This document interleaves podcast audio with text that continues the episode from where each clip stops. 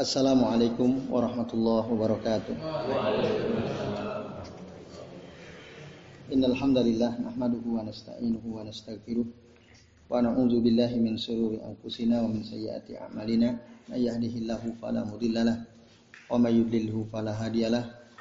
Asyhadu an la ilaha illallah wahdahu la syarikalah wa asyhadu anna Muhammadan abduhu wa rasuluh.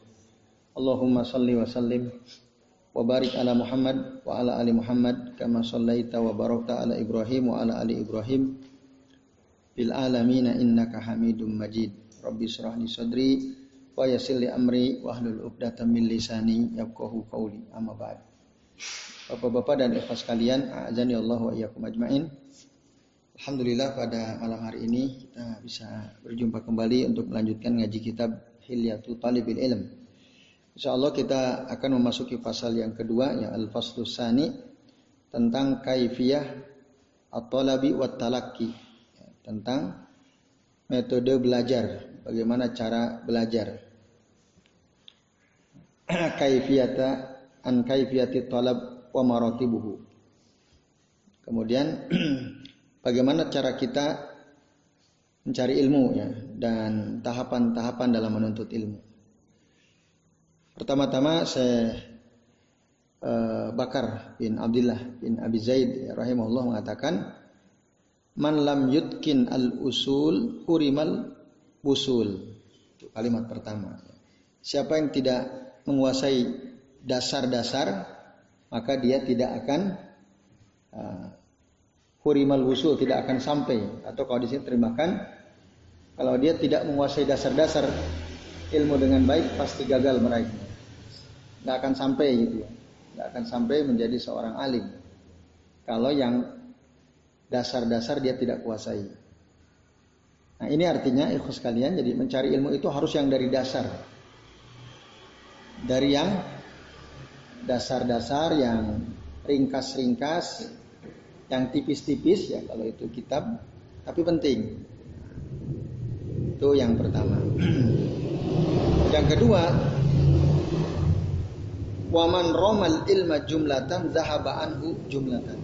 Barang siapa yang menginginkan ilmu sekaligus ya, sekaligus dapat banyak barang siapa yang ingin seperti itu maka zahaba anhu jumlah akan pergi darinya ilmu ya, sekaligus pula. Jadi orang yang terlalu ingin cepat dapat ilmu itu maksudnya ya. Man romal ilma jumlatan zahaba anhu jumlatan. Orang ingin terlalu cepat. Ingin dapat sekaligus ilmu. Mungkin dalam jangka waktu sebulan dia ingin dapat semua. Dia ingin menguasai ilmu tafsir, ingin menguasai ilmu fikih, ingin menguasai ilmu hadis, ingin menguasai ilmu ulumul Quran, mustalahul hadis misalnya. Bahasa Arab, nahu sorob. Ingin dia kuasai dalam satu bulan. Nah, maka dia akan kehilangan sekaligus. Artinya akan dapat apa-apa.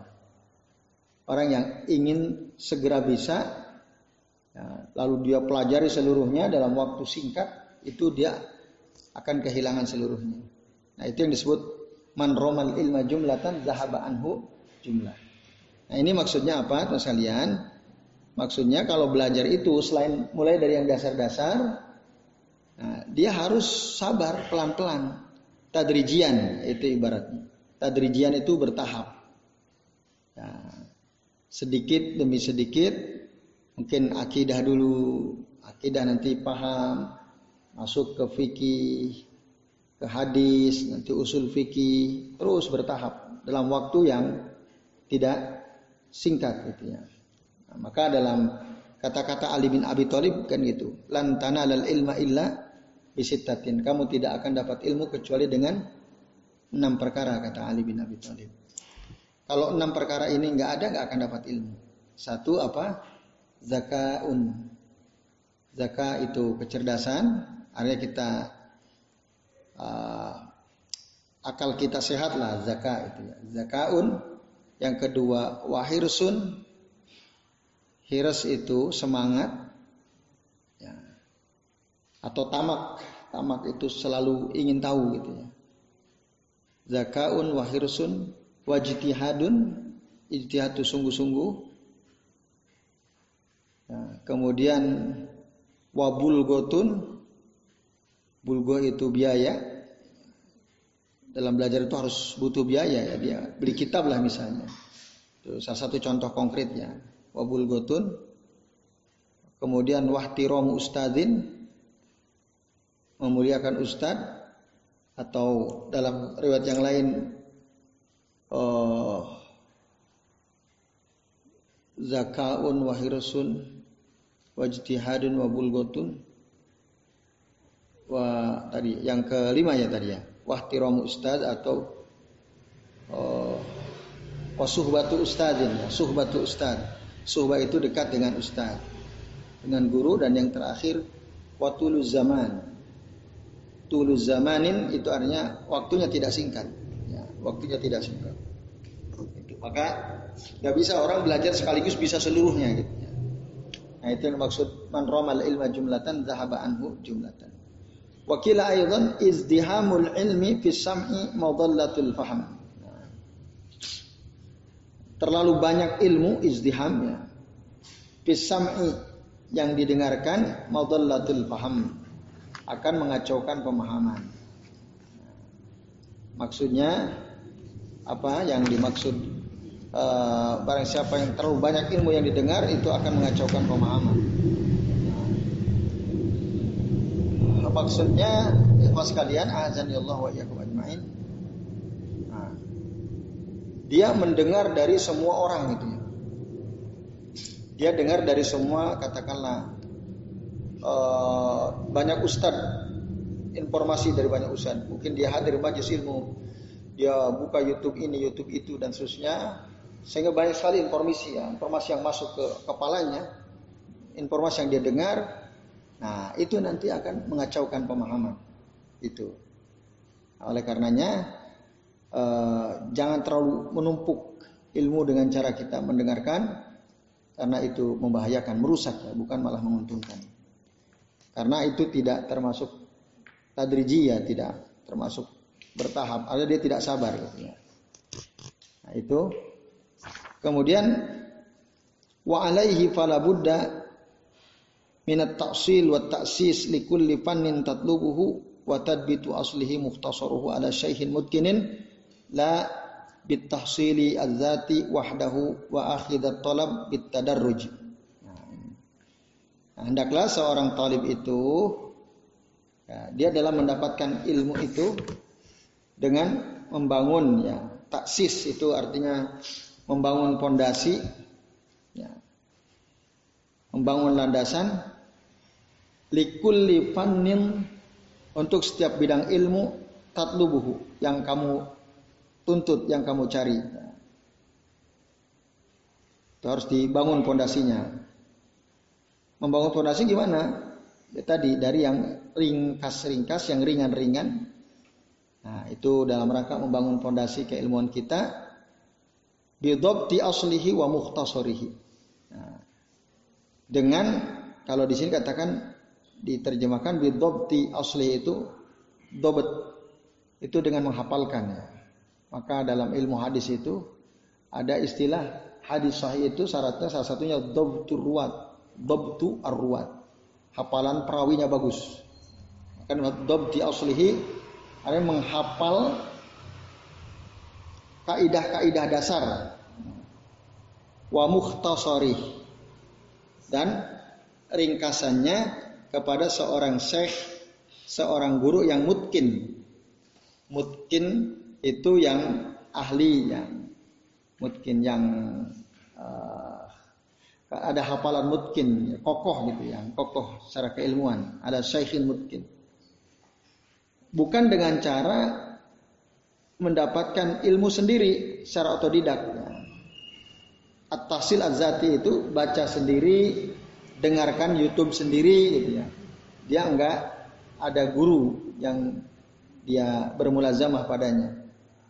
Nah, itu kata Syekh Bakar la bitahsil az-zati wahdahu. Jadi yang sampai kita ketika belajar ilmu itu semua otodidak gitu. Dalam ilmu syara maksudnya. Kalau ilmu-ilmu teknis ya bisa saja ya dia dia belajar komputer dia belajar program apa misalnya uh, ya, keahlian-keahlian ilmu informatika lah ya. Cara membuat gambar, susah itu bisa saja. Tapi untuk ilmu-ilmu syariat itu seharusnya sebaiknya tidak dilakukan secara atau tidak untuk awal-awal ya, untuk awal-awal. Nah, wa akhidan at-talab tadarruj tapi terus dia belajar secara bertahap. Itu kata Syekh Bakar bin Abdullah bin Abi Zaid rahimahullah. Nah, dan itu sesuai dengan apa yang disebutkan oleh Allah Taala dalam Al-Qur'an ya surah Al-Isra. Allah Taala berfirman, "Wa Qur'anan farraqnahu litaqra'ahu 'alan nasi 'ala mukthin wa nazzalnahu tanzila." Nah, ini dasarnya. Sebab apa yang dikatakan oleh Syekh Bakar itu merupakan ya, kesimpulan dari surah Al-Isra ayat 106. Dan Al-Quran itu kata Allah ya, kami turunkan secara ya, bertahap supaya engkau bacakan kepada manusia ala muksin. Ala muksin ya tadi bertahap wa nazzalnahu tanzila dan kami turunkan Al-Qur'an ya secara bertahap juga. Allah turunkan Quran dalam jangka waktu 23 tahun kan. Tidak langsung. Tidak jumlatan. Ya, tidak secara langsung. Maka orang-orang kafir mengatakan, wa qala alladziina kafaru dan orang-orang kafir itu berkata, laula nuzzila alaihi al-Qur'anu jumlatan wahida. Kenapa Al-Qur'an itu tidak diturunkan kepada dia Muhammad secara langsung satu kali turun ya. Kok harus bertahap? Itu keinginan orang kafir ya. Kadzalika linusabbita bihi fuadaka waratalnahu tartila. Demikianlah kami turunkan Quran secara bertahap tadi kepada Rasul Muhammad SAW li tusabbita li nusabbita bihi fuada. Nah, untuk uh, supaya kami kokohkan dalam hatimu ya Quran itu ya dan kami bacakan Quran itu ya tartila secara tartil. Nah, ini ya, bagian demi bagian ya waratalnahu tartila. Nah, itu uh, ikhwas kalian azan Allah wa iyyakum ajmain beberapa dalil ya yang menunjukkan bahwa memang belajar itu harus bertahap. Gitu. Dan harus dari dasar, dari dasar. Nah tentang tadi malam yutkin al usul hurimal usul. Ya. Uh, apa yang usul itu, yang dasar-dasar, yang pokok-pokok dari Al-Quran atau dari hadis Nabi. Nah, misalnya dari uh, hadis ya ada hadis Nabi berbunyi Idza amartukum bi amrin fa'tu minhu mastata'tum. Jika aku perintahkan kalian dengan suatu perintah, suatu perkara, maka ya, fa'tu minhu lakukanlah dari perintah tersebut mastata'tum semampu kalian. Nah, ini hadis ini merupakan dasar penting dan ada kaidah di sini. Apa kesimpulan yang kita bisa ambil? Bahwa dalam menjalankan seluruh perintah dari Al-Quran maupun dari hadis Nabi, lakukanlah perintah itu semampu kita. Nah, kalau kita nggak bisa melakukan seluruhnya, maka lakukan sebagian. Maka ada kaidah mala yudroku kulluhu la yudroku kulluhu. Apa yang kamu tidak bisa dapatkan seluruhnya, maka jangan ditinggalkan seluruh seluruhnya. Contoh ya misalnya, suatu duha itu Rasul kalau suatu duha baca doa uh, Allahumma gfirli wa tub alayya innaka antat tawwabur rahim. Mi'atu marrah, satu sekali. Itu yang contohkan Rasulullah. Nah, ikhwas sekalian, lalu kita nggak bisa, waduh saya nggak bisa deh kalau satu sekali. Waktunya nggak cukup karena saya istirahat sedikit. Lalu gimana sikap kita? Ya sudah, sholat duha, bacalah zikir tersebut semampu kita. Mampunya berapa? Oh, mampunya cuma tiga, sepuluh ya sudah. Itu maksudnya. Nah itu itu diambil dari hadis Nabi riwayat Imam Bukhari tadi. Idza amartukum bi amrin fa'tu minhu mastata'tum. Nah, atau ada kitab ya, ada kitab bagus yang bisa antum baca misalnya terkait dengan kaidah-kaidah ada kitab judulnya Qawaid Qur'aniyah, Khamsuna Faidah. Ya. Ada kaidah Quran, 50 kaidah penting dari Al-Quran. Nah ini, nggak tahu itu udah terjemahkan belum ya? Sudah ada ya. Nah, itu bagus tuh. Nah, ini ya. Ini ada qawaid Qur'aniyah khamsuna qaidatan Qur'aniyatan fin nafsi wal haya. Ini setiap ayat tuh jadi kaidah penting. Bahkan dikatakan di sini ya, setiap asal atau usul pokok dasar dari Al-Qur'an atau hadis Nabi ya, dia bisa menyelesaikan banyak sekali persoalan. Ya, Lau ja'at alfu mas'alatin bi suratin mutanawwi'ah la amkanaka an tahkuma ala hadhil masail binaan ala hadal asal. Seandainya datang seribu masalah, seribu persoalan dengan bentuknya yang bermacam-macam, kamu sangat mungkin bisa menyelesaikan ya, seribu masalah itu tadi dengan bersandar pada dalil pokok. Ya ala hadal asal. Nah, itu. Nanti bisa kita bisa menyelesaikan banyak masalah. Dengan ada dalil-dalil yang memang dia merupakan usul ya, dalil pokok. Nah, itu ikhwas kalian azani Allah wa iyyakum ajmain. Ya. Atau dalam hadis ada juga ya. hadis itu tadi kan dari Al-Qur'an ada kaidah nabawiyah khamsuna kaidah. Kaidah Nabi ya ada 50 kaidah yang diambil dari hadis Nabi SAW. Nah ini fil ilmi wal akhlak was suluk ini ya. Ada 50 kaidah dari hadis Nabi tentang ilmu, akhlak dan as-suluk. Ya. Ini ini juga ayat Quran ya.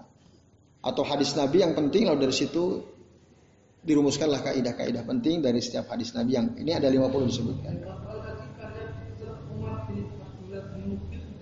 Iya, betul. Hadis juga sama. Umar bin Abdullah bin Muhammad bin Mukbil. Penulisnya sama. Nah itu sekalian.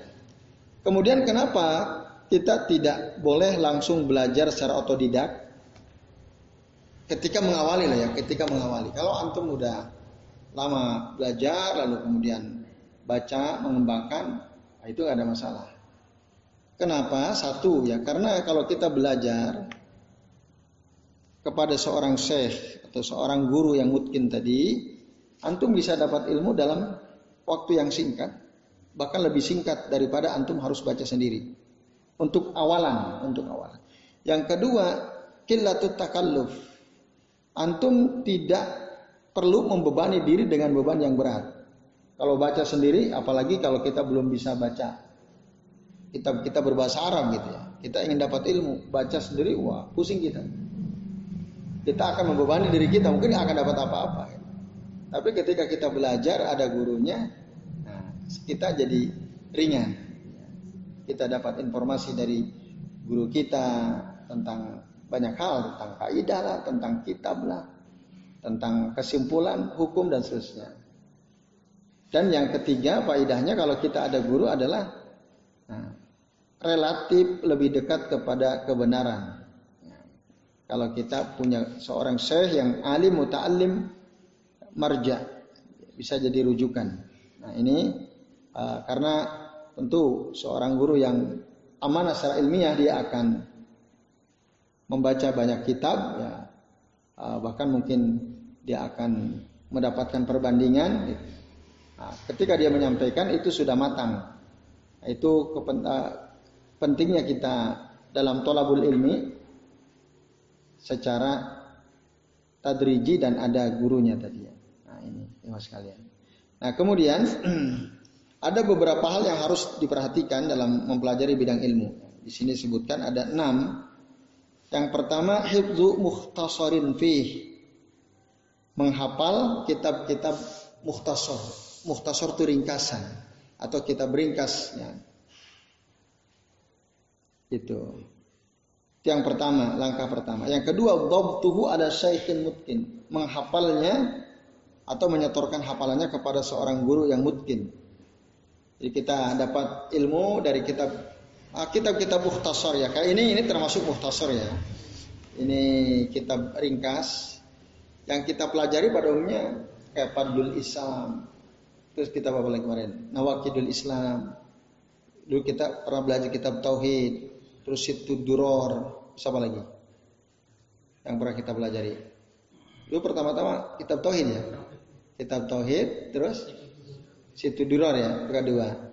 Terus kemarin Fadlul Islam, Nawakilul Islam, sekarang yang kelima Hilyatul Talibil Talabil Ilmi. Nah ini itu semua kitab-kitab ringkas.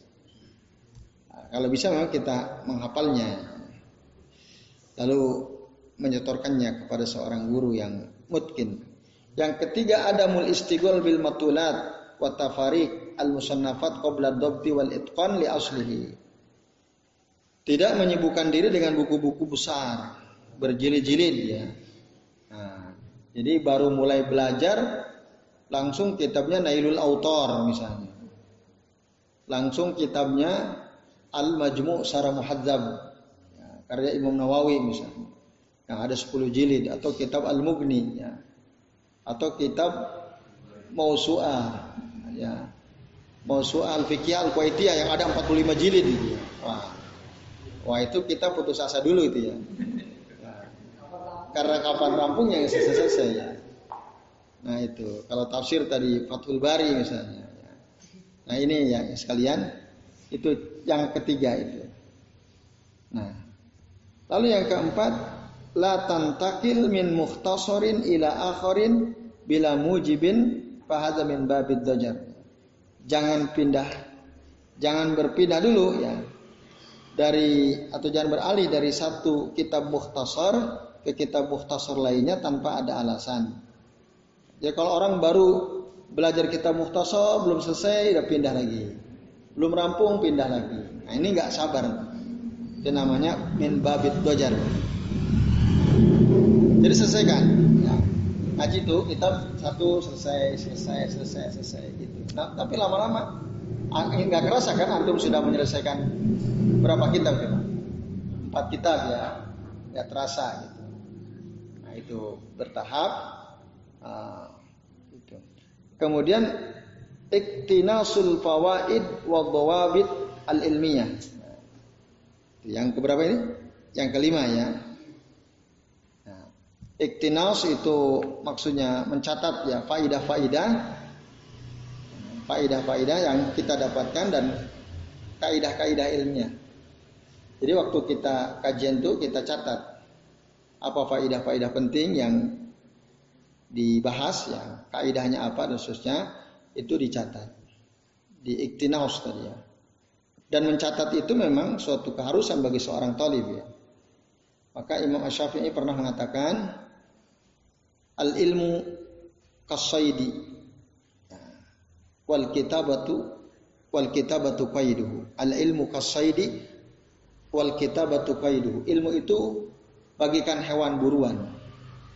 Tulisan itu ya alat untuk mengikatnya. Qayyid suyudaka bil hibalil wasiqah.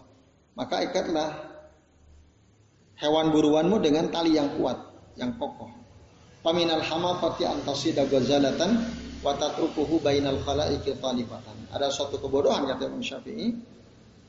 Kamu berburu ya, hewan buruan ketika kamu sudah dapat wa tatrukuhu bainal khalaiqi talifatan. Lalu engkau tinggalkan begitu saja tanpa diikat. Kira-kira rusak yang kita udah buru dapat kita bawa pulang ke rumah, kita taruh di halaman rumah tanpa diikat. Apa yang terjadi kira-kira? Lepas kabur. Ilmu juga begitu, kata Imam Syafi'i.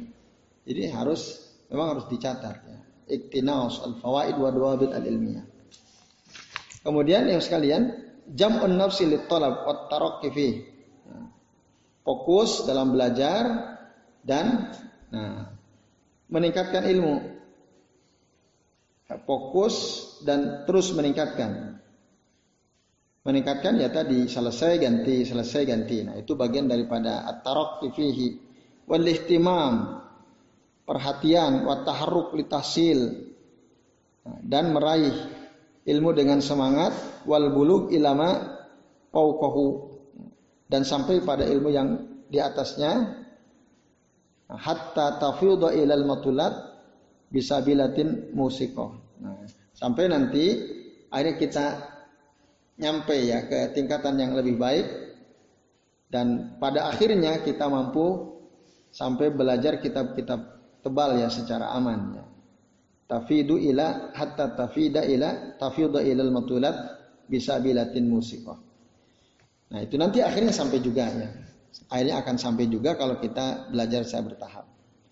Nah, ini iwas sekalian, azan ya Allah wa iyyakum ajmain. Nah, menghafal muhtasar itu misalnya apa? Kalau di bidang ilmu bahasa Arab, ilmu nahu misalnya kita ngapalin jurumiyah, ya lah jurumiyah. Kalau dalam bidang fikih misalnya menghafal bidang zad, kitab zad al-mustaqni. Nah, itu kitab fikih madhab hambali ya. Atau ada kitab Minhajus Salikin karya Syekh Sa'di. Nah, atau kalau di madhab Asyafi'i Safinatun Najah atau kitab uh, Matan Goyah wa Takrib nah, di madhab Asyafi'i misalnya. Nah, itu yang muhtasar. Kalau dalam bidang hadis Matan Umdatul Ahkam, nah, kitab Umdatul Ahkam atau kitab Bulughul Maram. Nah, itu yang itu dipelajari. Nah, apa yang kita pelajari Bulughul Maram itu termasuk ringan itu muhtasar. Padahal tebal gitu ya. Nah, itu, udah lumayan ya. Tapi ya itu tapi itu penting, itu dasar itu. Ya. Umdatul Ahkam itu lebih tipis dari Bulughul Maram. Bulughul Maram lebih luas, lebih kaya. Nah, itu itu contoh dalam bidang hadis. Dalam bidang tauhid misalnya ya bidang tauhid ya kitab tauhid kita udah pelajari karya Syekh Muhammad bin Abdul Wahab ya rahimahullah. Kita alhamdulillah sudah pelajari ya. Kemudian tentang asma dan sifat, kitab akidah wasitiyah. Kita belum atul i'tiqad. Itu belum ya. Akidah wasitiyah, belum atul i'tiqad, kitab-kitab penting. Kemudian uh, itu itu di antara contoh-contohnya, ya, teman-teman sekalian. Kemudian ya, uh, Ibnu Arabi beliau mengatakan ya, seorang pelajar wakana min ra'i Ibnu Maliki. Eh, Ibnu Maliki bukan Ibnu Arabi ya. Nah, kata Ibnu Maliki, Allah yakhlutu talibu fit ta'lim baina ilmain. Seorang talib ketika dia belajar jangan mencampur dua ilmu. Ini kata kata siapa? Ibnu Maliki atau di terjemahan disebutkan Ibnu Al Ibnu Arabi Al Maliki ya. Ibnu Paliki. Jangan mencampur adukan dua ilmu dalam belajar, satu kali belajar. Ya. Wa ayyukaddima ta'limal arabiyah. Nah, ini. Ini pendapat beliau ya Ibnu Malik. Dan hendaklah dia mendahulukan belajar bahasa Arab, wa syair, syair wal hisab. Hisab itu matematik. Summa yantakil minhu ilal Qur'an. Baru kalau sudah kuasai bahasa Arab, syair, matematik, belajar Al-Quran. Lakin ta'aqabahu Ibnu Khaldun bi annal awaida la tusaidu ala hada. Tapi kata Ibnu Khaldun, Ibnu Khaldun membantah pendapat Ibnu Arabi Al-Maliki ya. Dibantah kata kalau menurut Ibnu Khaldun berdasarkan pengalaman yang ada, anna al-muqaddam huwa dirasatul Qur'anil Karim wahid. Yang harus dilakukan itu belajar Quran dulu belajar Quran lalu ngapalin Quran. Itu. Kalau di lembaga pendidikan formal, ya, anak-anak ter, yang yang terbaik adalah dia masukkan ke sekolah yang di sekolah itu diajarkan Quran dan di ada program hafalan Quran. Itu memang yang terbaik menurut Ibnu Khaldun. Karena apa? Karena anak itu selama masih dalam asuhan orang tuanya, Nah, dia cenderung lebih mudah ya diatur. Nah, sementara kalau dia sudah sampai usia balik itu agak sulit ya diatur. Nah, antum ini belajar udah usia balik nih, agak susah diatur ya. Nah, itu. Nah, maka gimana ya? Yang tadi muhtasar muhtasarnya mulai dari situ. Sambil berusaha ngapalin Quran tentunya. Walaupun mungkin berat ya. Memang terbaik kalau menurut Ibnu Khaldun ya belajar Quran dulu. Sehingga nanti oh nyambung, oh ini ayatnya, ini ayatnya dan seterusnya.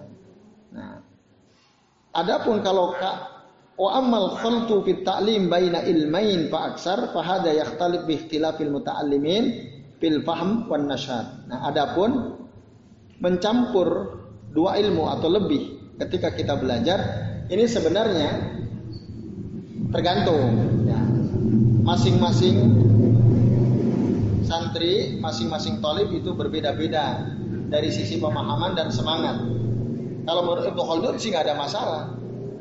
Di satu sisi kita belajar tafsir kita juga belajar hadis kita juga belajar tentang tauhid. Ya, dalam sepekan misalnya kan banyak tuh ya ada di antara kita belajar ini belajar. Itu kalau dia memang punya pemahaman yang baik, dia punya semangat yang baik, kalau menurut Ibnu Khaldun nggak ada masalah, nggak ada masalah. Kita di sini misalnya belajar hadis dari kitab Bulughul Maram, belajar kitab Hilyatul Talibil Ilm. Kalau memang kita punya kemampuan dalam memahami, kita punya semangat, menurut Ibnu Khaldun nggak ada masalah. Tapi kalau menurut Ibnu Malik kita di nggak boleh dicampur. Satu hadis ya hadis aja dulu diselesaikan.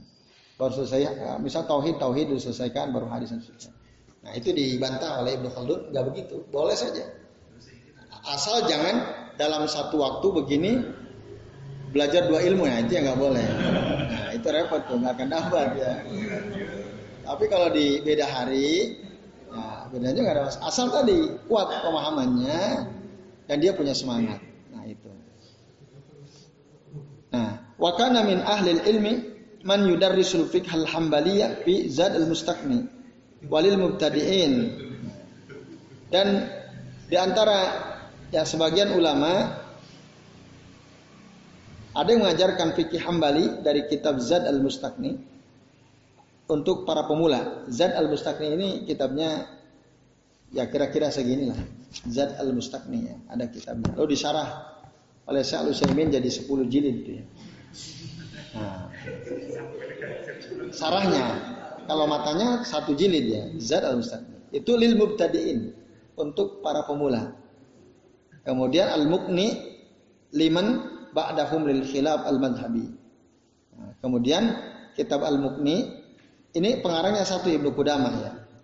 Nah, kalau zat al mustaqni itu kesimpulan-kesimpulan fikih isinya, kalau mukni itu isinya ada perbedaan pendapat antara para ulama mazhab itu ya. Kalau Abu Hanifah bilang begini, Imam Malik begini, Imam Syafi'i begini, Imam Ahmad begini, itu diterangkan dalam kitab Al-Muk Al-Mughni ya. Terus yang lebih luas lagi kitab Al-Mughni. Al-Mughni ini sekitar ya 10 jilid atau lebih. Nah, di rumah saya punya itu kitab Al-Mughni fikih madhab Al-Hambali. Nah, itu udah tingkat tinggi ya. Ah, bukan hanya sekedar perbedaan tapi di situ sebutkan dalil dari masing-masing dari masing-masing madhab. Nah, itu. Kemudian wala yasmahu li tabaqatil ulaan tajlis fi darsisania wa hakadha dab'an.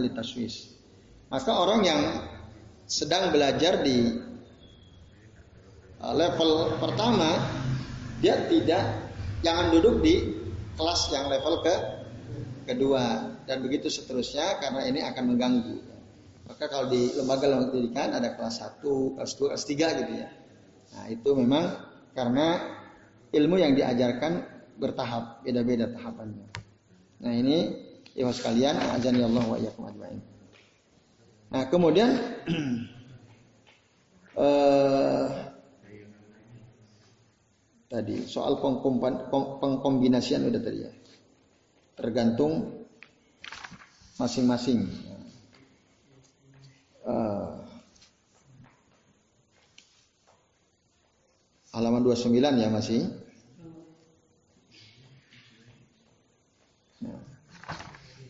Kemudian wa'lam anna dzikral mukhtasarat fal mutawwalat allati yuassasu 'alaiha at-talab wat talaqi ladai al-masayih takhtalifu ghaliban min ya kutrin ila kutrin bi ikhtilafil madahib. Nah, itu. Nah, 29 dia terjemahnya. Ketahuilah bahwa daftar ilmu buku-buku atau buku-buku muhtasar maupun buku-buku besar yang menjadi rujukan dalam menuntut ilmu di kalangan para syekh umumnya berbeda-beda. Antara satu kawasan dengan kawasan yang lain ya sesuai dengan perbedaan madhab ya bihtilafil madahib wa ma nasa alaihi ulama. Nah dan sesuai dengan tadi. Di sini katakan bikhtilafil madahib. Nah, Wa manasa alaihi ulama zalika al-kutr min itqani hadal muhtasar dan sesuai dengan uh, bagaimana para ulama itu tumbuh ya. Dari satu daerah ya, dengan daerah yang lain min itqanin fi hadal muhtasar yang dikuasai dari muhtasar ini wat tamarus fihi duna ghairuhu. Dan yang dipelajari dalam proses pendidikannya. Uh, jadi antara satu wilayah dengan wilayah yang lain, satu negeri dengan negeri yang lain itu biasa beda-beda.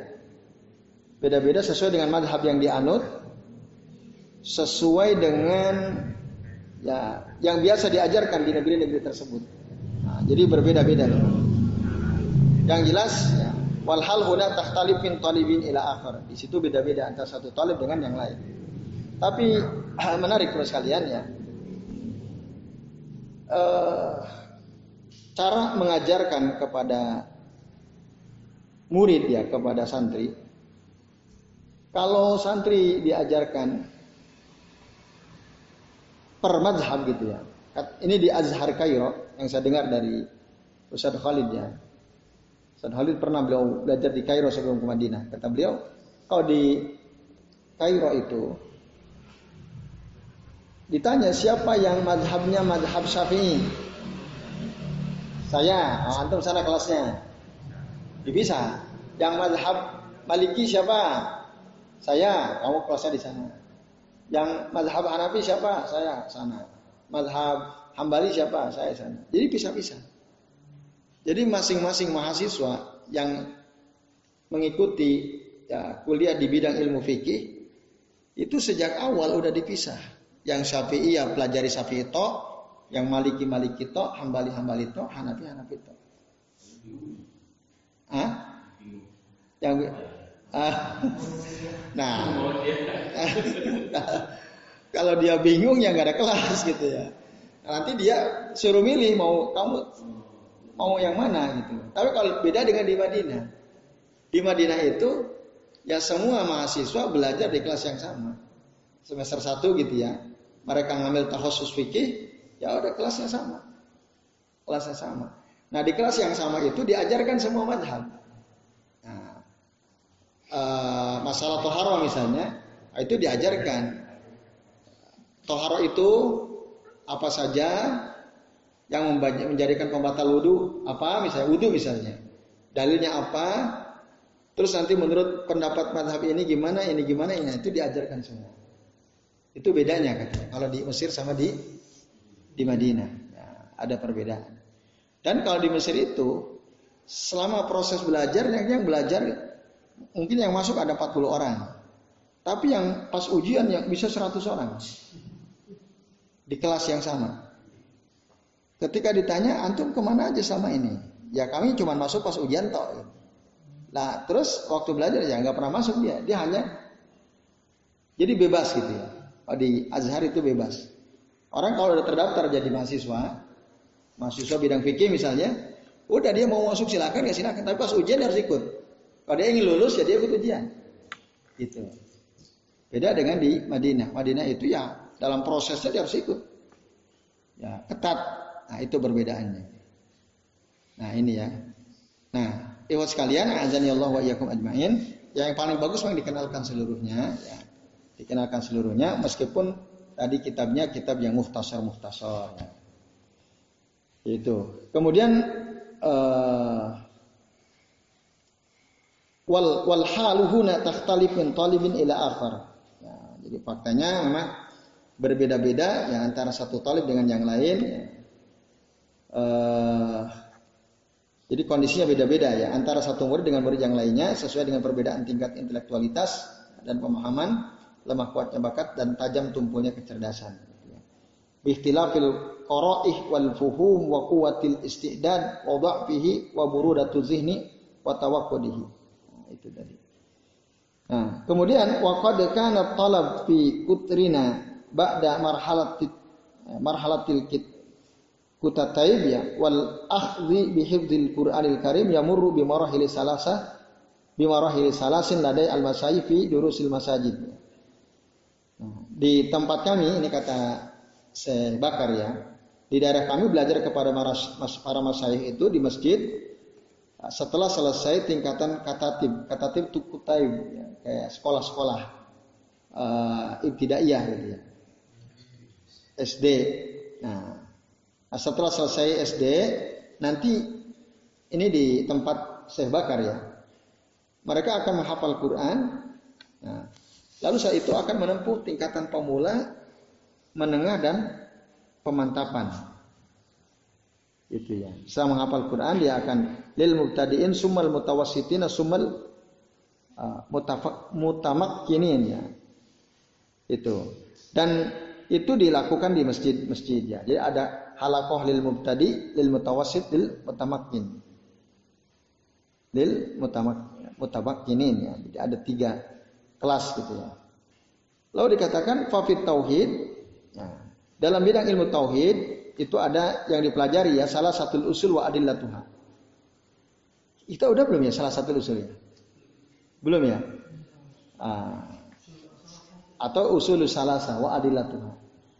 Tiga landasan pokok itu ya. Lalu kemudian kitab Al-Qawaidul Arba. Kemudian ada Kasfu Subuhat. Baru kitab Tauhid. Jadi itu urut-urutannya ya. Dan kemudian ada Al-Qawaid Al-Arba. Terus Kasku Subuhat. Nanti ada Usulu Sittah nanti. Di sini nggak disebutkan ya. Ada Usulu Sittah. Baru kita Tauhid. Jadi ada Usulu Salasa, Usulul Arba, Eqwaidul eh, Arba, Kasku Subuhat, ada Usulu Usulu Sittah, baru kita Tauhid. Ini urutan-urutannya sebenarnya. Dalam bidang Tauhid. Kita udah pelajari satu kitab Tauhid ya.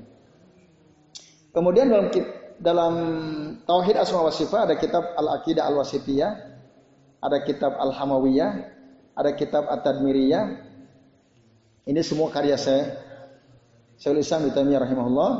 Terus ada kitab Aqidah Tohawiyah. Nah, Tohawiyah ini sudah pernah dibahas di Masjid Mujahidin ya. Dan syarahnya. Dalam Nahu ada kitab jurumnya, ada Mulhatul I'rab, ada Qatrun Nada, ada Alfiyah Ibnu Malik. Ini terkenal alfiah. Kalau di Indonesia banyak yang mempelajari alfiah ya. Dan jurumiyah. Dalam bidang hadis ada arba'in. Al-arba'in an-nawawiyah. Itu dulu di Jakal ya. Sekarang di Jalan Magelang ya. Nah, di kitab hadis arba'in. Umdatul Ahkam. Bulughul Maram. Al-Muntaqo. Muntaqo itu matan dari kitab Nailul Autor ya. Nailul Autor itu syarah. Syarah dari kitab Al-Muntaqo itu sebenarnya. Nah, baru kemudian kalau itu udah selesai masuk ke ya fi qiraati ummahati sittah wa. Ya, belajar kitab-kitab pokok hadis yang enam. Sahih Bukhari, Sahih Muslim, Abu Daud, At-Tirmidzi, Ibnu Majah, An-Nasa'i. Nah, itu. Setelah belajar kitab-kitab tadi, itu yang dipelajari biasanya di negerinya Syekh Bakar ya. Itu ikhwas kalian, azani Allah wa iyyakum ajmain. Nah, Kemudian di sini disebutkan lagi dalam bidang hadis tadi dalam mustolah ya fil mustolah mustolah maksudnya mustalahul hadis ya. Ada kitab Nukhbatul Fikr ini kitab tipis ya karya Ibnu Hajar. Ada Alfiyah Al Iraqi tapi kalau di yang ke, pernah kami pelajari itu kitab mustolah Taisir Mustalahul Hadis karya Syekh Mahmud Tohan ya, rahimahullah. Itu termasuk tipis dan enak juga itu ya. Nah, dan cukup lengkap itu. Di sini disebutkan kita karena mungkin kita taisir mustalahul hadis itu uh, si penulisnya lebih muda daripada Syekh Bakar ya, sehingga beliau tidak menyebutkan nama kitab tersebut ya. Nah, dalam dalam fikih misalnya dalam ilmu fikih ya di tadi tauhid, nahu, hadis uh, dalam fidak fikih nah, itu ada kitab Adabul Masyi ila Shalah. Ya, itu karya saya Muhammad bin Abdul Wahab rahimahullah. Nah, Adabul Masyi ila Shalah itu adab berjalan menuju salat ya ke masjid. Itu lumayan tipis kitabnya. Bisa dicari itu ada di filenya di Google ya bisa cari. Kemudian Zad al-Mustaqni lil Hijawi rahimahullah, kemudian kitab Umdatul Fiqh al-Muqni dan al-Mughni. Nah, ini tadi kitab fikih madhab Al-Hanabilah dan ini semua ditulis oleh Ibnu Qudamah. Nah, ini ya sekalian. Kemudian dalam bidang itu dalam bidang fikih tadi. Dalam bidang usul fikih itu ada kitab Al-Waraqat. Ini juga kitab usul fikih sangat ringkas ya Al-Waraqat karangan Imam Al-Juwaini. Kemudian Raudatun Nazir karya Ibnu Qudamah rahimahullah taala. Atau kalau yang saya pernah kasih ke Mas Fajar itu kitab Abadiul Awaliyah. Itu kitab ringkas bagus ya, Mabadiul Awaliyah. Nah, usul fikih. Nah, kalau di sini sebutkan tadi Al-Waraqat atau Raudatu An-Nazir. Ini kitab-kitab bidang-bidang pentingnya yang perlu dipelajari oleh seorang tolib ya. Kemudian Taraid itu ada kitab uh, Rahbiyah dan syarahnya ada kitab Fawaid al jaliyah. Nah, itu bisa dicari kitab-kitab tipis ini dalam masalah faraid. Kemudian dalam kitab tafsir ada tafsir Ibnu Kasir yang dipelajari oleh Syekh Bakar ya. Jadi Ibnu Kasir. Nah, kemudian dalam usul tafsir, usul tafsir itu masuk ulumul Quran nanti ya maksudnya. Ada kitab Al-Muqaddimah. Muqaddimah fi ilmi tafsir ya. Muqaddimah fi ilmi tafsir. Itu kitabnya tipis, saya punya kitabnya ini karya Syaikhul Islam Taimiyah rahimahullah. Terus dalam sirah ya, di bidang sirah di yang dipelajari yang bagus dipelajari awal-awal itu adalah Muhtasar Sirah Nabawiyah karya Syekh Muhammad bin Abdul Wahab yang itu aslinya karya Ibnu Hisham atau kitab Zadul Ma'ad Ibnu Qayyim Al-Jauziyah. Nah, Zadul Ma'ad termasuk berat juga ini sebenarnya. Karena ada empat jilid ya Zadul Ma'ad. Muhtasar mungkin satu jilid ya. Satu jilid. Nah itu di Masjid Nabawi ada tuh kajian kitab Zadul Ma'ad. Nah, itu enak sekali masing-masing santri bawa kitab. Kalau lama di Makkah atau Madinah ya bisa tiap hari itu kita talaki. Nah, kita tinggal milih mau belajar mana dulu. Sejarah ada, tafsir ada, akidah ada, hadis ada. Kemudian wafi lisanil Arab. Lisanil Arab ini bahasa Arab maksudnya. Inaya bi asy'ariha belajar tentang syair-syairnya seperti kitab Al Muallaqat As-Sab' atau dalam uh, Qiraah fi Al-Qamus lil Fairus Abadiyah. Ini kamus ya, kamus itu kamus ya, rahimahullah. Nah, ini ya kalian beberapa kitab yang perlu dipelajari. Kemudian uh, wahakadha min marahilit talab fil funun. Demikianlah beberapa tingkatan belajar dalam berbagai bidang ilmu Wa kanu ma'adzalika ya'khuduna bijardil matulat. Para penuntut ilmu juga membaca secara cepat kitab-kitab tebal. Setelah yang ringkas-ringkas itu ada, lalu mereka akan membaca kitab-kitab tebal. Kalau di pondok dulu saya saat kita banyak belajar kitab-kitab tipis, di akhir itu nanti ada namanya Barnamaj Fathul Kutub ya. Program buka kitab-kitab besar. Ya setiap santri di karantina sekitar dua minggu gitu ya. Atau sebulan ya. Di hadapan mereka semua kitab. Tapi dibeli persoalan, dikasih masalah-masalah. Nah jawabannya mereka cari di kitab-kitab besar itu. Nah itu. Untuk menguji sejauh mana kemampuan berbahasa Arab mereka. Itu itu menurut saya satu barnamaj ya, program yang sangat menyenangkan. Ya. Karena nanti setelah itu setiap santri setelah dia menemukan solusinya di kitab-kitab yang tersedia itu, dia presentasi nanti. Nanti presentasi ada diskusi. Itu program itu bagus waktu saya buat kurikulum di pondok. Ada dua pondok ya yang saya dulu terlibat menyusun kurikulum. Itu ada program tadi Barnama Fathul Kutub ya. Program buka kitab-kitab besar, santri kita beri masalah, nanti mereka bisa nggak baca. Nah itu dan sebenarnya sangat antusias ya, menarik gitu. Nah, nah itu pun di, disampaikan di sini. Jadi nanti para penuntut ilmu dia akan baca kitab-kitab tebal seperti kitab tari, kitab tafsir yang ditulis oleh Ibnu Jarir atau Bari dan oleh Ibnu Katsir. Ya, Ibnu Katsir wa tafsirihima dan tafsir keduanya wa yurakkizuna ala kutubi Syekhul Islam Ibnu Taimiyah lalu fokus ke kitab-kitab Syekhul Islam Ibnu Taimiyah wa tilmidhihi Ibnu Qayyim al-Jauziyah rahimahullah lalu di, setelah itu belajar kitab muridnya Ibnu Taimiyah itu Ibnu Qayyim wa kutubi al-a'immah ad-da'wah wa tafa wa fatawihim lalu pelajari kitab-kitab para ulama, para dai yang beserta fatwa-fatwa mereka la siyama muharraratihim fil i'tiqad ya. Terutama ya uh, dalam bidang akidah, fatwa-fatwa mereka dalam bidang bidang akidah. Nah, itu ya sekalian ajani Allah wa iyyakum ajmain. Nah, terus uh, wa kanat al-awqat amiratan fi talab. Nah, begitulah waktu sangat padat. Mereka belajar terus di majelis ilmu. Jadi setelah sholat fajar sampai waktu duha sampai koilulah uh, sebelum sholat zuhur belajar terus. Dan setiap ba'da sholat lima waktu mereka belajar. Itu kata Sebakar ya. Ya itu dalam proses ketika beliau belajar ya. Wakanu fi adabin jamin. Nah, mereka para penuntut ilmu itu ya, sopan semua ketika mereka belajar. Watakdirin bi izzati nafsin min torfaini alaman haji salafi soleh rahimahullahu taala. Dan mereka ya, percaya pada guru-guru mereka dan murid-murid dengan metode salafus soleh. Semoga Allah merahmati mereka semua. Walidha adraku wa saru minhum min adadil a'immah fil ilmi jam'un ghafir.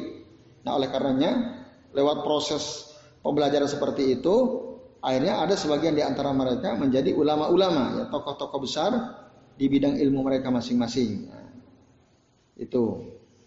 Walhamdulillahirabbil alamin segala puji bagi Allah Rabb semesta alam. Lalu kemudian fahal min da, min audati ila asalati talab fi dirasatil muhtasarat al mu'tamidah la ala al muzakkarat fi hibdiha. Nah, itu kata beliau, ya akankah kita kembali kepada metode menuntut ilmu yang orisinil yang tadi mempelajari muhtasar muhtasar ya mengkaji kitab-kitab muhtasar yang ya dijadikan rujukan al mu'tamadah bukan pada diktat ya alal muzakarat wa biha dan dalam menghafalnya la al i'timad ala fahm pahasab tidak hanya sekedar bersandar kepada pemahaman saja melainkan dulu juga berusaha untuk menghafal. Nah, maka saya kira kita juga kalau ada hadis-hadis Nabi yang penting kita hafal kita hafal. Doa-doa kita hafal kaidah-kaidah kita hafal. Hatta doa tulab pala hifdhu wala faham karena kalau kita hanya belajar, sekedar mendapatkan pemahaman, tidak berusaha menghafal, ya waktunya habis begitu saja. Jadi nggak ada yang kita hafal, nggak ada pemahaman. Maka perlu memang hafalan-hafalan dapat ilmu, hafalkan, dapat ilmu, hafalkan. Baik itu tentang kaidah, tentang uh, hadis, tentang doa dan seterusnya. Nah ini ibu sekalian azan ya Allah wa ajmain. Nah, kemudian dikatakan uh, wa fi khuluwit talqin minaz zagal wasyawaib wal qadar wasairun ala min haji salaf. Wallahul musta'an. Itu uh, kata saya bakar ya. Jadi uh, beliau mengatakan uh, setelah tadi jangan hanya mengandalkan pemahaman karena nanti akan sia-sia ya. Juga dengan proses ya fokus pengajarannya khulu talqin. jadi betul-betul belajar uh, waktu belajar itu dikosongkan dari berbagai macam zagol wasawa'i wal kadar. Ya. Dari berbagai macam kotoran, kekeruhan itu dihilangkan dan berjalan di atas proses pembelajaran cara para salaf dulu ya. Wallahul musta'an. Hanya Allah lah tempat memohon pertolongan yang sebaik-baiknya. Nah, itu ya sekalian azan ya Allah wa iyyakum ajmain. Lalu kemudian dikatakan yahtaju sahibul hadis ila khamsin. Ini kata Al Hafidh Utsman bin Jurozan ya. Semoga Allah merahmati beliau. Ini seorang alim yang hidup di tahun abad ketiga Hijriah. Dia bilang seorang ahli hadis atau yang sedang belajar ilmu hadis dia butuh pada lima perkara. Fa'in Ya, udimat wahida kalau hilang satu fahiyanakes maka itu kekurangan. Yahtaju ila aklin jayidin wa dinin wa dhabtin wa ma'a amanatin tu'rafu minhu. Nah, itu kata saya Usman. Jadi seorang ahli hadis atau pembelajar hadis itu dia butuh lima hal. Satu, ya, apabila salah satu enggak ada, udimat wahidah fahuwa fahiyanakes maka itu kekurangan.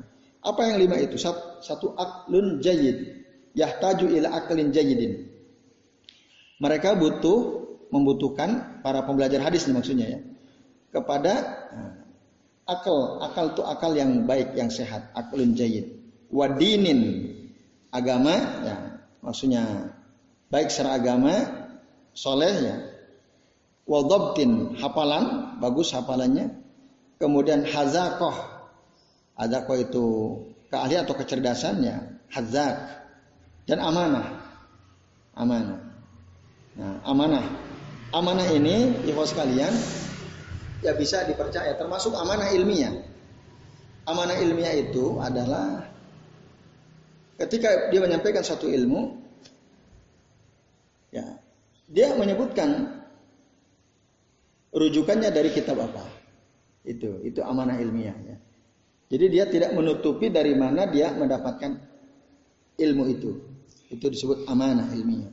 Oh saya baca di kitab ini uh, yang ditulis oleh syekh ini atau saya dapat dari ustadz ini di majelis ini. Nah, itu amanah. Nah, seorang tolib tolib al hadis ya, pembelajar hadis atau ahlul hadis dia harus punya amanah ilmiah tadi. Kemudian ikhwas sekalian azan Allah wa. Terakhir ya. Uh, kultu ya, ay az-zahabi berkata Imam az-zahabi ya, al amanatu juz'un min ad-din kata beliau. Amanah itu adalah bagian dari agama. Wa dhabtu dakhilun fil hidr. Hafalan itu termasuk bagian dari keahlian atau kecerdasan. Hidr hadzaqa.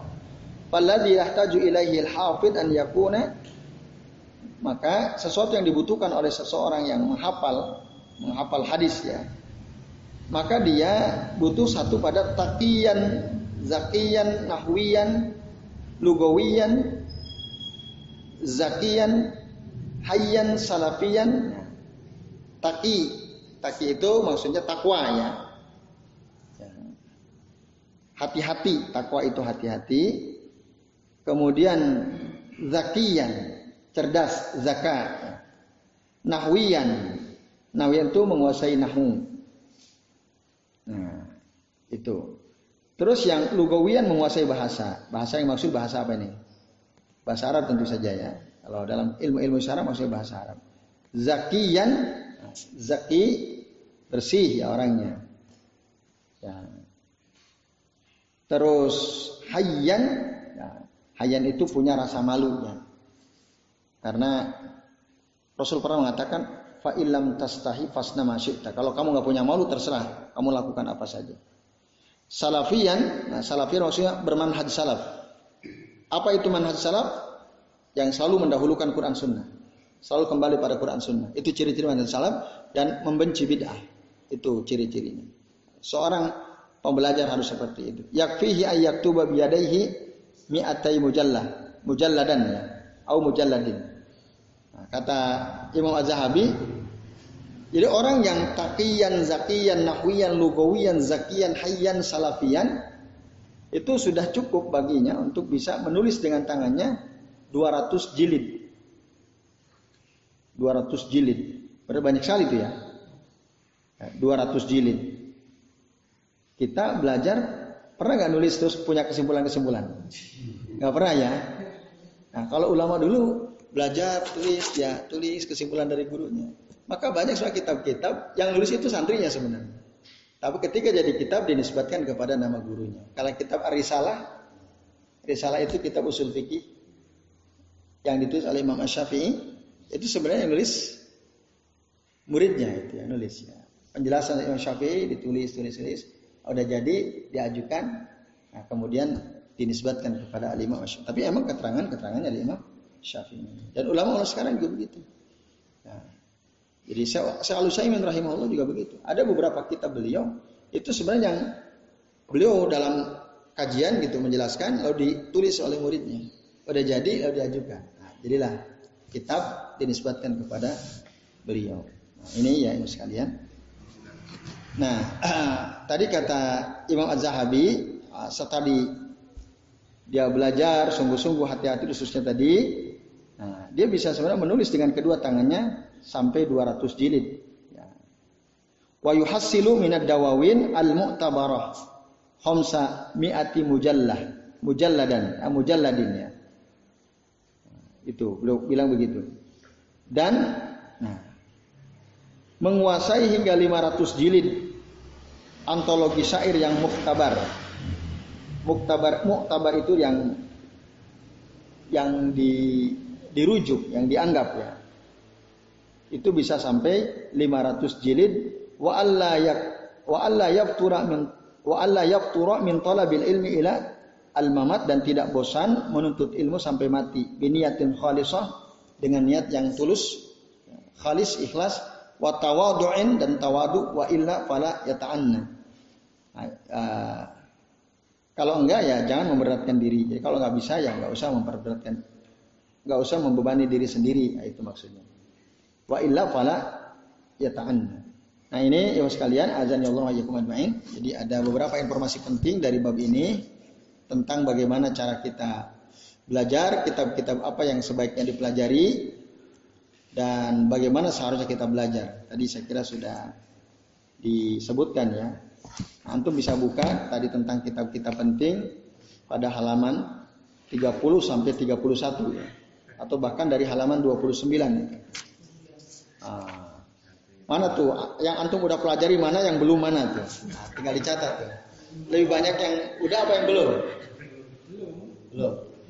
Maka kitab-kitab yang kita pelajari itu kitab-kitab inti kayak Bulughul Maram, Umdatul Ahkam, ah, kitab-kitab induknya. Kitab-kitab penting untuk dipelajari di awal-awal. Ya, saya kira itu ya, sekalian. Kita uh, tentang bagaimana cara belajar tadi saya kira sudah jelas ya. Dan kitab-kitab apa yang seharusnya pelajari. Tapi tadi di masing-masing daerah saya bisa berbeda-beda. Nah, ini pengalaman saya bakar ya. Saya bakar.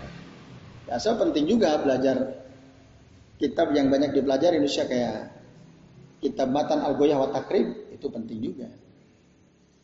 Nanti kan ada kitab Kifayatul Akhyar itu sarah dari matan Al-Ghaya wa Takrib ya. Ada kitab At-Tahzib Tahzib ala matan Al-Ghaya wa Takrib. Nah, itu pentingnya. Dulu saya pernah ngajar kitab itu, ternyata sarahnya banyak tuh matan Al-Ghaya wa Takrib karya Ibnu Suja. Ibnu Suja rahimahullah. Terus uh, saya juga pernah ngajar kitab Safinatun Najah Ternyata banyak juga syarahnya. Yang terbaik yang yang saya pernah baca itu Goyatul Muna fi syarhi Safinatin Najah. Itu kitabnya tebal. Kenapa baik? Karena setiap perkataan yang ada di dalam kitab Safinatun Najah itu disebutkan dalilnya.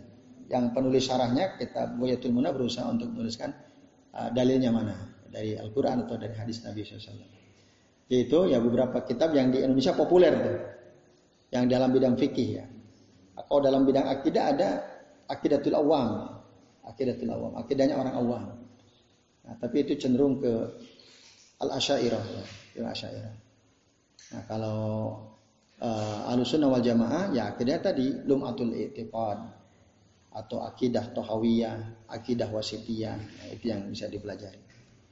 Jadi saya kira ini terima kasih untuk sekalian ya. Uh, Insya Allah di pekan yang akan datang kita masuk judul yang baru yaitu belajar ilmu kepada guru ya talakil ilma anis anil asyah nanti itu oke itu saja yang kita bisa pelajari. Uh, sebelum ditutup saya kasih kesempatan. Satu ada pertanyaan silakan kalau ada yang mau bertanya. Ya silakan misalnya untuk ya, anak usia dini hmm. itu belajar itu dari umur kapan atau mungkin di zaman sekarang ya ya kebetulan saya sendiri nah. sekolah saya belajar ah. itu disekolahkan atau atau ah, ada pra TK gitu ya baiknya gimana gitu ya hmm. tadi kalau kita merujuk pada pandangan Imam Az-Zahabi, sebaiknya anak dikenalkan Quran dulu. Kalau orang tuanya bisa ya orang tuanya yang terbaik. Yang ngajarin ya. Jika orang tuanya bisa, jika ibunya atau bapaknya bisa ngajarkan, ngajarkan. Kalau tidak maka di Ah, sini mungkin. Maka ada kalau di kita prateka itu usia tiga tahun ya, tiga tahun atau empat tahun ya itu udah ada prateka. Cuma tadi harus milih memang. Nah, milih sekolah yang sejak dini ngajarin Quran. Dan itu agak susah di di kita ya. Tapi ada, ada. Kayak misalnya di dekat daerah saya itu ada itu. Ya, sejak kecil udah dikenalkan Quran, ngapalin surah-surah pendek, hadis-hadis Nabi yang ringkas-ringkas. Ya, misalnya hadis yang pendek-pendek seperti la tagdob walakal jannah. Itu al yadul ulya khairun minal minal yadis sufla misalnya. Itu ada sekolah-sekolah. Dan bahkan eh, kalau TK kayaknya masih dicampur ya. SD udah dipisah tuh. Ikhwan sendiri, akhwat sendiri. Itu ya yang terbaik sedini mungkin dikenalkan Quran kepada anak kita. Itu Mas Isnan ya. Uh, kalau ada ya itu kita sekolahkan di tempat seperti itu. Di Jogja ada ada, cuma memang tidak banyak gitu. Nah, jangan sampai memang diajarkan kepada anak-anak awal-awal malah lagu-lagu gitu ya. Qurannya enggak enggak dapat. Itu itu sayang banget kan. Nah, sayang banget. Bagi teman-teman yang sudah punya anak itu diusahakan sejak kecil dikenalkan Quran dulu. Yaitu Allah alam. Baik, saya kira cukup ya itu teman sekalian. Udah ternyata udah jam 11 lewat. Ya, baik. Semoga bermanfaat ya uh, apa yang kita pelajari barusan. Nanti Mas Yosef ya, ingat tadi. Nah, ah, ah ya. Lupa tadi lupa ya. Menyebut mereknya. Ya. Oke, baik. Itu saja. Semoga bermanfaat. Ya, terima kasih atas perhatian anda semua dan mohon maaf apabila yang kami sampaikan ada kesalahan dan kekurangan. Saya akhiri wasallallahu ala Muhammadin wa ala alihi wa sahbihi wa baraka wa ajmain. Hidayah. Wassalamualaikum warahmatullahi wabarakatuh.